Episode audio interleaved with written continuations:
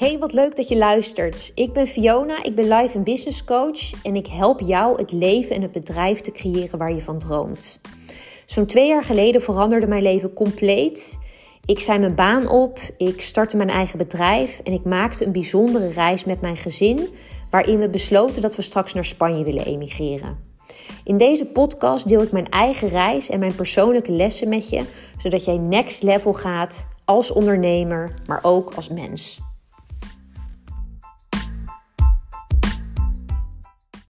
Je kunt pas een volgende stap zetten in je bedrijf. Je kunt pas stevig staan, bewuste keuzes maken, je strategie voor je laten werken als je de ruis weghaalt. En wat bedoel ik met ruis? Dat kunnen belemmerende overtuigingen zijn, dat kunnen bepaalde patronen zijn, dat kan onbewustheid zijn. En in deze aflevering deel ik een aantal voorbeelden met je van wat ik zou kunnen bespreken met mijn klanten en hoe ik hen help om de ruis weg te halen. Eerste voorbeeld: een klant van mij legt een situatie aan mij voor waarbij er een samenwerking is met een andere ondernemer. Dus laten we even zeggen dat het om een coach gaat en een adviseur. En mijn klant, de coach, is niet zo blij met de dienst van de ander. Ze zegt: Ik krijg niet de begeleiding die ik nodig heb.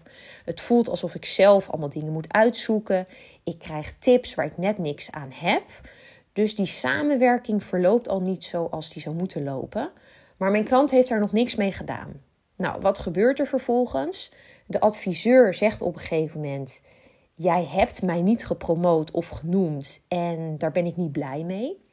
En de coach, mijn klant, is enorm getriggerd en denkt: Ja, hallo, ik ben eigenlijk al helemaal niet blij met hoe deze samenwerking gaat. En vervolgens had ik je ook nog moeten promoten. De vraag die zij stelt aan mij is: moet ik over deze emotie heen stappen of moet ik dit benoemen? Nou, als eerst stel ik haar een aantal vragen, namelijk wat waren de verwachtingen over en weer? Hoe ziet of zag jullie samenwerking eruit? En wat hebben jullie met elkaar afgestemd? Is dat helder? En het tweede wat ik haar teruggeef, is dat ik meerdere momenten zie waarop jij, mijn klant, eigenlijk niet tevreden bent en dat vervolgens niet uitspreekt. Dus je bent daar steeds overheen gestapt. Die emotie mocht er niet zijn of dat gevoel. En daar komt dus ook die irritatie vandaan. Want je gaat er steeds aan voorbij. En dan krijg je vervolgens ook nog eens de vraag waarom je die ander niet gepromoot hebt. En dat is eigenlijk de druppel voor jou. Het patroon wat ik bij je zie is dat je veel meer geeft dan dat je ontvangt. Het is niet helder hoe jij datgene ontvangt wat jou wordt gegeven. En daardoor ontstaat er een bepaalde dynamiek, waardoor de ander steeds meer gaat vragen en zich vervolgens tekort gedaan voelt. want dat is wat er gebeurt op het moment dat jij heel veel geeft. Dan trek je halers aan. want mensen die merken, bij jou valt iets te halen. Wat ik vervolgens aan haar vraag is: wat wil jij doen met dit patroon? Hoe ga jij daar op dit moment in deze situatie mee om? En wat ik ook benoem is wat was jouw intentie om deze samenwerking aan te gaan? Klopte dat al vanaf de start niet? Deed je deze samenwerking alleen maar zodat de ander ook jouw aanbod zou aannemen? Of zou je vanuit jezelf die keuze ook hebben gemaakt? Was je daar zelf ook zo enthousiast over? Nou, wat haalt de ruis weg in dit geval?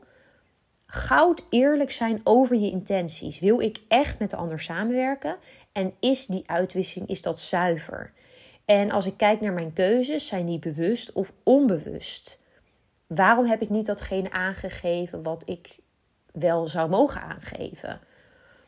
Is dat zo omdat ik ergens een angst heb dat dat onze samenwerking gaat beïnvloeden? Waar komt dat vandaan? Die laatste opmerking van die adviseur, hè, van je had mij moeten promoten, die triggerde zo, dat was de druppel. Maar ik wil dus niet alleen naar die druppel kijken, maar ik wil kijken wat daaraan vooraf zit. Het was de druppel die de emmer deed overlopen, maar daaraan vooraf werd dat emmertje al langzaam aangevuld. En als je daarnaar kunt kijken, als je kunt kijken naar jouw eigen proces daarin en ziet wat daarin gebeurt, dan kun je andere keuzes voor jezelf gaan maken. Wat gebeurt er op het moment dat je andere keuzes gaat maken? Wat gebeurt er op het moment dat die ruis weg is? Dan kun je gaan kiezen voor wat echt klopt voor jou, ook al zijn dat moeilijke beslissingen. Je relaties worden veel zuiverder en daardoor krijg je waardevollere samenwerkingen binnen je team als je een team hebt en met je klanten. En die vorm van leiderschap, van bewust kiezen, van echt keuzes maken die kloppen voor jou, die zie je terug op alle vlakken. In je persoonlijke relaties, binnen je bedrijf, hoe je je mentaal voelt, op spiritueel niveau, op je bankrekening. Dus op het moment dat die ruis wordt weggehaald, is de weg vrij voor je om te gaan. Voorbeeld 2. Ik heb een gesprek met een klant over haar aanbod, over de samenwerkingen met haar klanten en hoe dat loopt. En zij vertelt dat ze twijfelt of haar klant nog wel haar type klant is, omdat deze klant haar steeds meer energie kost. Maar ze zegt tegelijkertijd ook: ja, dit is wel de klant die de grootste shift maakt, omdat dit een klant is die best wel vastzit. En elke kleine verandering maakt al een enorme impact. Dus ik weet niet zo goed wat ik hier mee wil. Dus ik merk heel duidelijk dat zij zit tussen de oude en de nieuwe klant in. En ik ga op onderzoek uit met haar. Ik stel haar de vraag: wat zijn de redenen voor jou om met die oude klant te werken? En vervolgens de vraag: wat zijn de redenen voor jou om met die nieuwe klant te werken?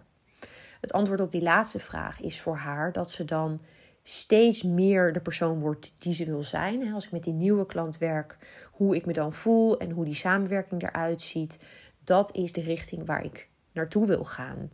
Maar, zegt ze, ik moet eerst nog wat langer met de oude klant werken voordat ik daar klaar voor ben. Dus mijn volgende vraag is: wat ga je dan nog leren? Hè? Of wat gaat er veranderen? Zodat je er op een gegeven moment klaar voor bent. Nou, zegt zij, eh, dan ga ik meer leiderschap laten zien. Maar ga je dat leiderschap niet meer laten zien of vooral laten zien op het moment dat je met die nieuwe klant werkt? En even terugkomend op die eerdere opmerking over de voordelen en de nadelen van het werken met die oude of die nieuwe klant. Wat wil jij leidend laten zijn in met wie je samenwerkt? Nou zegt ze hoeveel, hoeveel energie ik ervaar. Want dat gaat ook impact hebben op hoe goed ik mijn klant kan begeleiden en dus ook op de resultaten die iemand behaalt.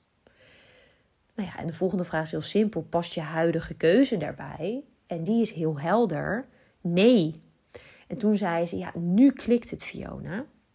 Nu klikt het.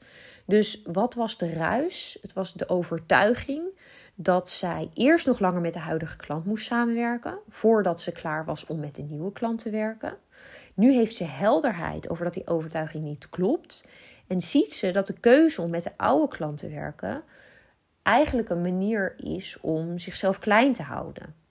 En dit inzicht maakt duidelijk wat er werkelijk gebeurt. En ze weet dat deze keuze niet past bij wie ze wil zijn. Het is eerst nodig dat je je verhaal doorziet, voordat je het ook daadwerkelijk anders kunt gaan doen. dus ik had tegen haar kunnen zeggen: maak de volgende stap, kies voor die nieuwe klant, je bent er klaar voor, je kan dit. Maar als jij dat niet op een dieper level voelt, als er nog ergens weerstand zit, dan ga jij jezelf onbewust tegenhouden. Daarom halen we eerst de ruis weg en dan kun je volgende stappen gaan zetten. En dit is ook wat we doen tijdens een sessie. We bepalen je strategie, wat je volgende stappen zijn. We maken het super concreet. En tegelijkertijd kijken we ook waar loop jij tegenaan? Waar zit er weerstand? Waar loop jij op vast? Dat kijken we aan. We creëren helderheid. We gaan niet voor een quick fix. We gaan echt de diepte in. Want daar zit duurzame verandering. Dus als je na het beluisteren van deze aflevering enthousiast bent, getriggerd wordt, misschien denk je al langer: oh, ik ben toch best wel nieuwsgierig wat de samenwerking met Fiona voor mij zou kunnen betekenen. Stuur me dan gewoon eens een berichtje of boek een intake, zodat we samen dat kunnen gaan onderzoeken. Wat heb je te verliezen?